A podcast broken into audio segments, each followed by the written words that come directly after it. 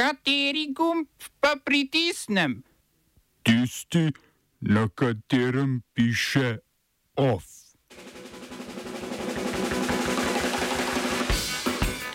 Ron DeSantis naznanil kandidaturo za ameriškega predsednika. Grčija dobila prehodno vlado. Evropska komisija zaradi sodstva nad Pulsko. Stavka sindikata osebnih asistentov.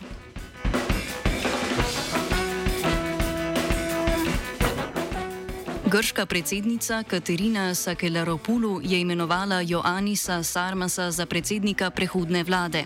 Predsednik računskega sodišča je postal premije, potem ko so voditelji strank Nova demokracija, Siriza in Pasok zavrnili mandat za oblikovanje vlade po volitvah, ki so bile v nedeljo. Sarmas bo vlado vodil do 25. junija, ko bodo potekale ponovne volitve.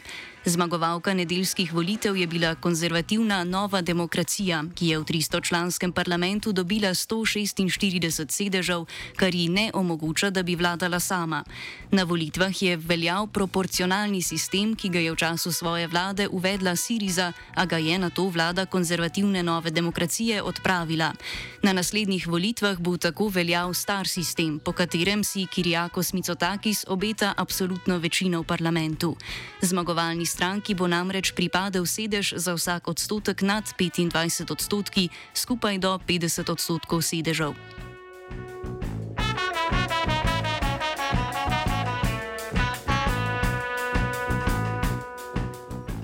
Floridski guverner Ron DeSantis je v pogovoru z lastnikom Twitterja Elonom Muskom na spletni platformi napovedal svojo predsedniško kandidaturo za leto 2024.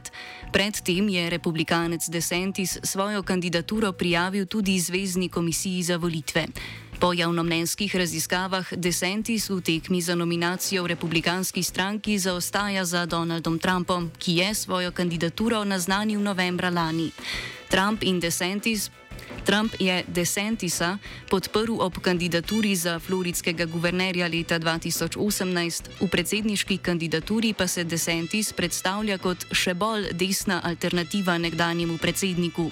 Ostali republikanski kandidati so še senator Tim Scott iz Južne Karoline, nekdanja veleposlanica pri Združenih narodov in nekdanja guvernerka Južne Karoline Nikki Haley ter podjetnik Vivek Ramaswamy.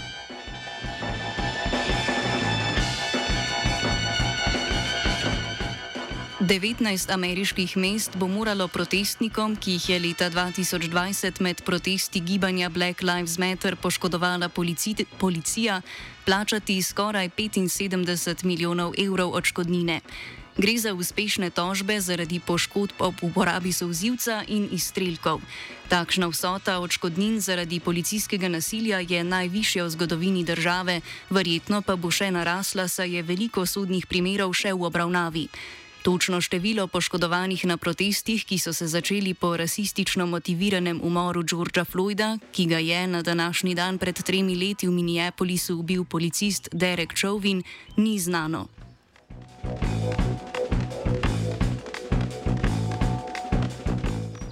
Od junija meseca ponosa nas loči še teden dni, A podjetja, ki nas farbajo z Maurico, so že naletela na prepreke pri kovanju zaslužkov na račun LGBT skupnosti.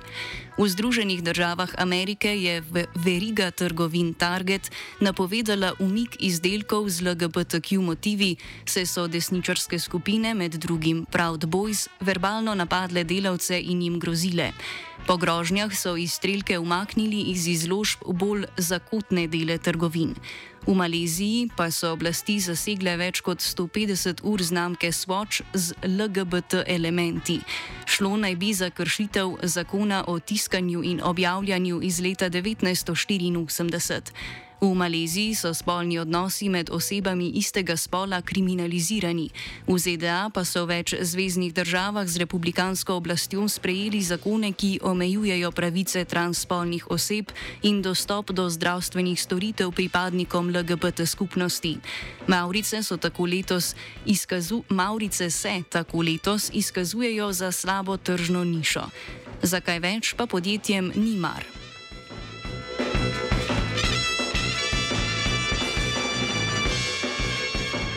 Združeno kraljestvo se je z Albanijo dogovorilo o vrnitvi 200 albanskih zapornikov.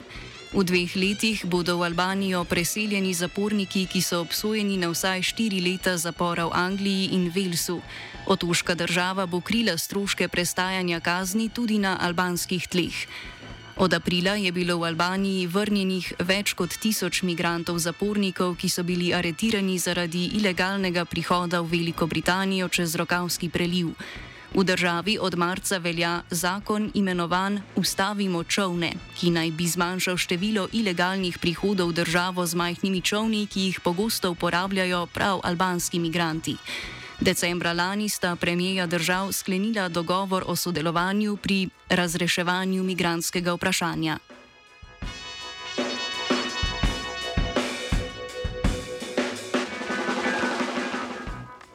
Sorodniki nasprotnikov tunizijske vlade, ki so jih oblasti aretirale in zaprle od februarja letos, so na Afriško sodišče za človekove pranice, pravice v Tanzaniji uložili sodno prijavo, v kateri zahtevajo takojšen izpust aretiranih.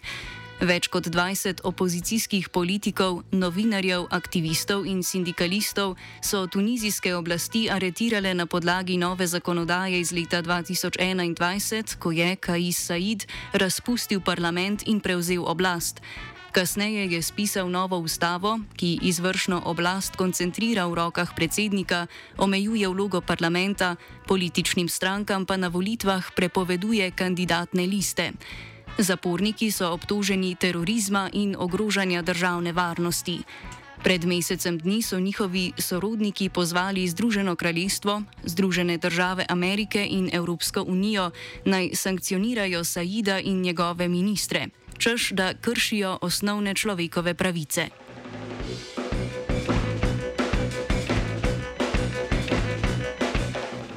Več kot 300 beguncev in prosilcev za azil iz Konga, Ruande in Burundija so v Malaviju prisilno premestili iz prestolnice Lilongve v prenatrpan vladni center Zaleka. Ministrstvo za notranjo varnost je prejšnji mesec objavilo ultimat, v katerem je od beguncev zahtevalo, da se iz prestolnice vrnejo v Zaleko. V nasprotnem primeru bodo izgnani iz bivališč. Na ministerstvu so zatrdili, da begunci jemljajo službe malavicam in ne plačujejo davkov. Centr za legi lahko nudi namestitev 12 tisoč ljudem, trenutno pa jih je tam 50 tisoč. Od tega 20 tisoč beguncev živi izven centra. Malavijska policija izvaja hišne preiskave in zapira trgovine v štirih delih glavnega mesta. V naslednjih tednih bodo s protibegunsko akcijo začeli drugot po državi.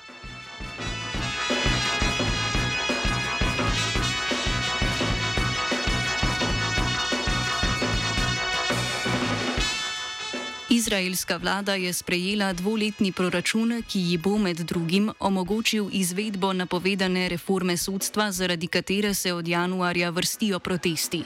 Za letošnje leto so odobrili nekaj več kot 120 milijard evrov, za naslednje leto pa skoraj 130 milijard. Sprejetje proračuna je utrdilo vlado Benjamina Netanjahuja. Njegovi nasprotniki trdijo, da bo proračun omogočil poglobitev razlik med hardskimi judi in neverniki. Hardski ljudje bodo opravičeni obveznega služenja vojaškega roka, više pa bo tudi financiranje njihovih šol. Glavna ovira pred sprejetjem proračuna se je razrešila s tem, ko je premijer pristal na zahteve koalicijske ortodoksno-judovske stranke Ocma Jehudit in zagotovil več kot 60 milijonov evrov za spremembo etnične sestave prebivalstva v puščani Njegev na in območjih v Galileji. Beduine in druze bodo izgnali, naselili pa jude. Naselbine bodo financirane iz sklada Arnuna, namen katerega je razdelitev občinskih davkov, ki pa jih judovskim naselbinam ne bo treba plačevati.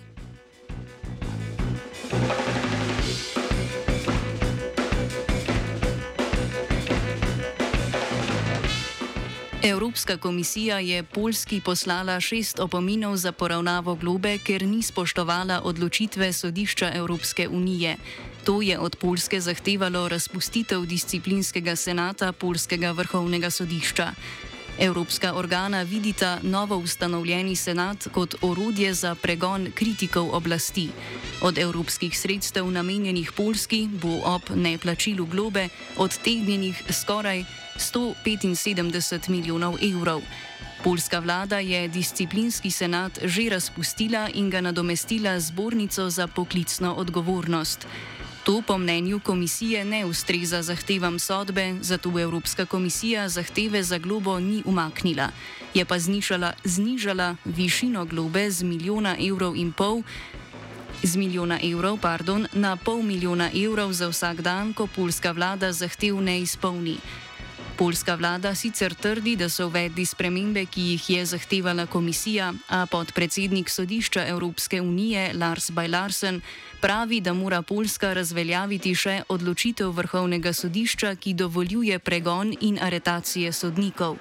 Odločitev sodišča Evropske unije namreč ne zadeva le disciplinskega senata, temveč celotno ureditev discipliniranja sodnikov. Smo se osamosvojili, nismo se pa osvobodili. Naslednje število je še 500 projektov. Izpiljene modele, kako so se strani nekdanje LDS rotirali. Ko to dvoje zmešamo v pravilno zmes, dobimo zgodbo o uspehu. Takemu političnemu razvoju se reče udar. Jaz to vem, da je nezakonito, ampak kaj nam pa ostane? Brutalni obračun s politično korupcijo. To je Slovenija,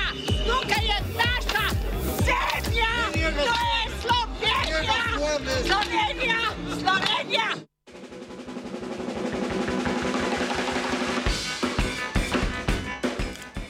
Sindikat osebnih asistentov vse dan stavka zaradi neuzdržnih razmer in vse slabšega položaja delavk. Med 11. in 12. dopoledne je potekal tudi shod pred ministrstvom za delo. Povod je zniževanje delavskih pravic, predvsem dopustov, delovnih obveznosti in dodatkov, ki jih določajo zaposlovalke. Kot razlog za stavko pa sindikat navaja rezanje državnih sredstev, ki se je začelo s prejšnjo vlado Jane Zajanše in spremembo pravilnika o osebni asistenci, ki je področje deregulirala. Sindikat ima šest stavkovnih zahtev: dvig cene ure storitve, sklenitev kolektivne pogodbe za dejavnost osebne asistence in standardizacija dejavnosti. Poleg tega zahtevajo zagotovljeno varovanje pravic osebnih asistentk pred posegi delodajalk, konec nezakonitega evidentiranja upravljenih ur storitev na aplikaciji osebna asistenca, ki jih od osebnih asistentk zahtevajo delodajalke in ministrstvo, ter plačilo stavke. Več o stavki pove zastopnik sindikata osebne asistence Nenad Vitorovič. Zahtevamo tako, uh, takojšnje povišanje uh, financiranja, uh, tako da bo spet uh, uh, financirano dovolj, da, da bodo Eh, da bodo lahko eh, naši dopusti in naši dodatki taki, kot so bili še pred nekaj meseci. A ne, v bistvu ne zahtevamo povišanja plač, eh, zahtevamo samo staro pravdo. Poleg tega pa seveda to, da se to sploh dogaja, kaže na nek izvorni greh zakonske zastavitve osebne asistence, ki jo je, v, ki jo je um, vzpostavila kot eh, stotstotno ja, eh, javno financirano dejavnost, vendar v zasebnem sektorju. In uh, to v bistvu je zdaj, to, kar se zdaj dogaja, je tisto, zaradi česar je to bilo tako narejeno. Pač država noče prevzeti odgovornost za zadostno financiranje dejavnosti, zato outsourca ustanovi v zasebnem sektorju, potem, ko se odloči, da ne bo več uh, zadostno financirala, uh, enostavno se umakne, reče, uh, to je zdaj problem med uh, zaposlovalci in uh, delavci v zasebnem sektorju.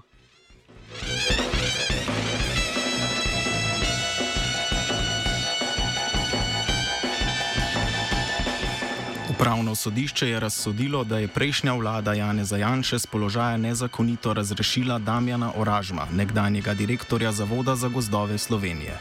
Z položaja je bil razrešen leta 2020 na podlagi takratne kmetijske ministrice Aleksandre Pivec. Očitala mu je sporno zaposlovanje, zlorabo položaja, nepravilno financiranje lovišč s posebnim namenom in nezakonito izplačevanje nadurnega dela. Oražem bo vložil odškodninsko tožbo za razžalitev dobrega njegovega imena in časti ter zahtevo na delovno sodišče naj odloči o razliki v plači in obrestih. Po razrešitvi z funkcije direktorja, na kateri je bil od leta 2013 in bi jo moral opravljati do konca lanskega leta, je ostal zaposlen v zavodu kot vodja krajevne enote Zavoda za gozdove v Postojni. Lani se je prijavil na razpis za mesto direktorja zavoda, a so njegovo prijavo pomotoma vrgli v koš. Od lanskega septembra Zavod za gozdove vodi Gregor Danev.